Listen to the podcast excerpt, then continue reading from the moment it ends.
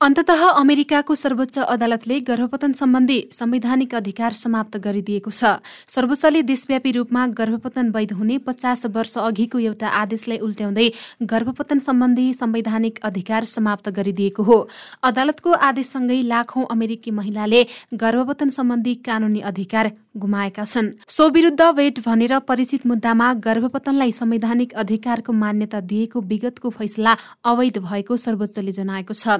राष्ट्रपति जो बाइडेनले उक्त निर्णयलाई दुःखद त्रुटि भनेका छन्। आदेशको विरोधमा अमेरिकाका विभिन्न शहरमा प्रदर्शन भएका छन्। अदालतको आदेशपछि विभिन्न राज्यमा क्लिनिक बन्द गरिएका छन्। अदालतको फैसलापछि त्यहाँका धार्मिक अभियान कर्मी र दक्षिणपन्थी भने खुसी भएका छन्। सन् उन्नाइस सय त्रिहत्तरमा गर्भपतनलाई वैध बनाइए पनि उनीहरूले त्यसको विरोध गर्दै आएका थिए। फैसलाको पक्षमा छ र विपक्षमा तीनजना न्यायाधीश उभिएका थिए। यसैबीच बेलायती प्रधानमन्त्री बोरिस जोन्सनले शुक्रबार अमेरिकी सर्वोच्च अदालतले गर्भपतन सम्बन्धी गरेको फैसलालाई पछाडितर्फ ठूलो कदम भनेका छन्। रुवान्डाको राजधानी किगालीमा कमनवेल्थ सरकार प्रमुखहरूको बैठकका क्रममा जोन्सनले अमेरिकी सर्वोच्च अदालतको फैसलाले विश्वभरका मानिसहरूको सोचमा ठूलो प्रभाव पारेको बताए मलाई लाग्छ कि यो पछाडितर्फ ठूलो कदम हो। म सधैँ महिलाको छनौट गर्ने अधिकारमा विश्वास गर्छु। म त्यो दृष्टिकोणमा अडिक छु। तसर्थ बेलायतमा कानून छ उनले भने। अमेरिकी सर्वोच्च अदालतले एउटा महत्वपूर्ण फैसलामा हिजो देशव्यापी रूपमा गर्भपतनलाई वैध हुने पचास वर्ष अघिको एउटा आदेशलाई उल्टाइदिएको थियो।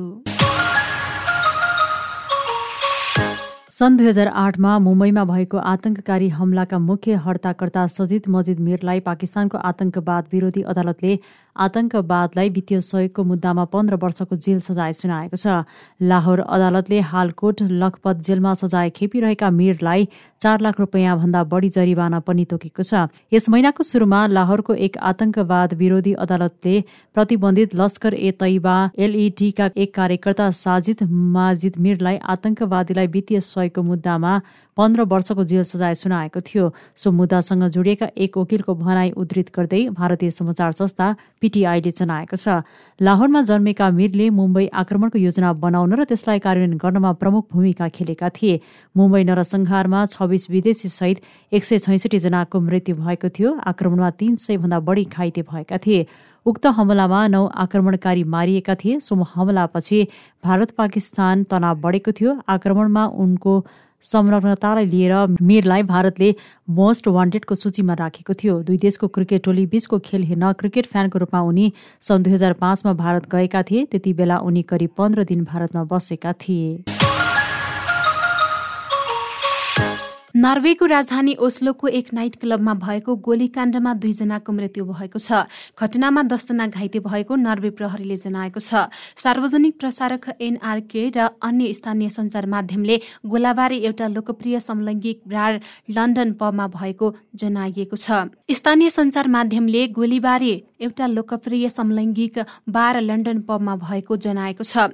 प्रहरीले संदिग्धलाई पक्राउ गरेको छ। आक्रमणको उद्देश्य के थियो भन्ने तत्काल खुल्न सकेको छैन। छैन ओस्लोले शनिबार वार्षिक प्राइड परेड आयोजना गर्ने कार्यक्रम छ। दुईजनाको मृत्यु भएको पुष्टि भएको छ। ओस्लो प्रहरी विभागले ट्विटमा भनेको छ। गोली लागेर तीनजना गम्भीर घाइते भएका पनि प्रहरीले जनाएको छ। युक्रेनी सेना युद्धग्रस्त तस्कबाट फिर्ता हुने भएको छ। युक्रेनी सेनालाई पूर्वी लोगान्स क्षेत्रको युक्रेन नियन्त्रित क्षेत्रको प्रशासनिक केन्द्र तस्कबाट फिर्ता हुने आदेश दिएको क्षेत्रीय गभर्नरले बताएका छन्। युक्रेनको सशस्त्र बल र नेसनल गार्डका सिपाहीलाई आफ्नो पकड बलियो भएका सुदृढ स्थानमा फर्किन र ती स्थानबाट सैनिक कारवाही सञ्चालन गर्न आदेश दिएको लुगान्स क्षेत्रका सैन्य प्रशासनका प्रमुख सेरी हाइडाईले जनाएका छन्। सेभेरोदोनेतस्का करिब नब्बे प्रतिशत भवनहरू सैनिक कारवाहीमा क्षतिग्रस्त भएको पनि उनले बताएका छन्। गत सोमबार युक्रेनी उपरक्षा मन्त्री हन्ना मलियारले रुसी सेनाले लुहान्स कब्जा गर्ने लक्ष्य राखेको बताएकी थिइन्। रुसी आक्रमणले पूर्वी डोनबास क्षेत्रका सहरको प्रतिरक्षामा जुटेकाहरूलाई कमजोर बनायो भने लुहान्स प्रान्तको करिब पञ्चानब्बे प्रतिशत र छिमेकी डोनेक्स प्रान्तको करिब आधा भागमा रुसी सेनाले कब्जा जमाएको छ। राष्ट्रपति भ्लादिमिर पुटिनले युक्रेनमाथि पाँच महिना अघि हिजोकै दिन सुरु गरेको विश्व सैनिक कारवाहीले दुई देशका नागरिक नराम्ररी प्रभावित भएका छन्। युद्धको प्रभाव क्रमशः विश्व अर्थतन्त्रमा पर्दै गएको छ। युरोपेली देशहरूमा ग्यास आपूर्ति अवरुद्ध भएको छ भने खाद्यान्न लगायतका सामग्री आपूर्तिमा पनि अवरोध भएको छ। इन्धनको रुसी आपूर्ति घट्दै गएपछि जर्मनीले ग्यास अभावको स्थितिमा कठिन सामाजिक अवस्थाको सामना गर्नुपर्ने एकजना जर्मन मन्त्रीले चेतावनी दिएका छन्। इन्धनको रुसी आपूर्ति घट्दै गएपछि जर्मनीले ग्यास अभावको स्थितिमा कठिन सामाजिक अवस्थाको सामना गर्नुपर्ने एकजना जर्मन मन्त्रीले चेतावनी दिएका छन्। अर्थमन्त्री रबर्ट हावेकले डर स्पिगल पत्रिकासँग भने पर्याप्त ग्यास नहुँदा ग्यासको आवश्यकता पर्ने कुनै कुनै उद्योगहरू बन्द गर्नुपर्ने भएको छ। हावेकले रुसबाट बाट ग्यासको आपूर्ति कम भएपछि जर्मनीको आकस्मिक ग्यास योजना अन्तर्गत सतर्कता स्तर बढाएका थिए। गत हप्ता रुसी ऊर्जा कम्पनी ग्यास प्रोमले पाइपलाइन मर्मतमा ढिलो भएको प्राविधिक कारण देखाउँदै नोर्ड स्ट्रिम पाइपलाइन मार्फत जर्मनी आपूर्ति गरिने ग्यासको साठी प्रतिशतले कटौती गरेको थियो। यद्यपि जर्मनीले ग्यास कम्पनीको प्राविधिक समस्या आपूर्ति कटौती गर्नुको कारण नभएको बताएको छ। मस्को आक्रमणपछि युक्रेनका लागि पश्चिमको समर्थकको प्रतिकारका कारण यो निर्णयको पछाडि राजनैतिक उद्देश्य देखिएको जर्मनीको दावी छ। आपूर्तिमा कटौतीले जर्मनीलाई पहिले कहिल्यै नभएको स्थितिमा पुर्याएको हावेकले बताए। जर्मनी उद्योग र नागरिक दुवै आफ्नो आवश्यकता पूरा गर्न ऊर्जा आयातमा निर्भर छन्। पर्याप्त ग्यास नभए जर्मनीले कठिन सामाजिक निर्णय गर्नुपर्ने हावेकले बताएका छन्। निर्णय राम्रो त छैन नै कम गलत निर्णयहरू पनि गरिएका छैनन्। यसबाट केही क्षेत्रहरूको परिणाम भयानक हुन सक्ने र यसले लामो समयसम्म प्रभाव पार्न सक्ने उनले बताए। जर्मनीले डिसेम्बरसम्ममा आफ्नो ग्यास भण्डारण केन्द्रहरूलाई नब्बे प्रतिशत भर्ने गरी निर्देशन दिएको छ तर हावेको मन्त्रालयले प्रस्तुत गरेको अनुमान अनुसार ग्यासको प्रवाहमा लक्ष्य पूरा हुने सम्भावना कम छ। र युएबाट फर्किए लगतै सोमलियाका राष्ट्रपतिलाई कोरोना भाइरसको संक्रमण पुष्टि भएको छ। सोमलियाका राष्ट्रपति हसन शेख मोहम्मदले संयुक्त अरब इमिरेट्स युएको यात्राबाट फर्किए लगतै कोभिड नाइन्टिनको संक्रमण पुष्टि भएको बताएका छन्।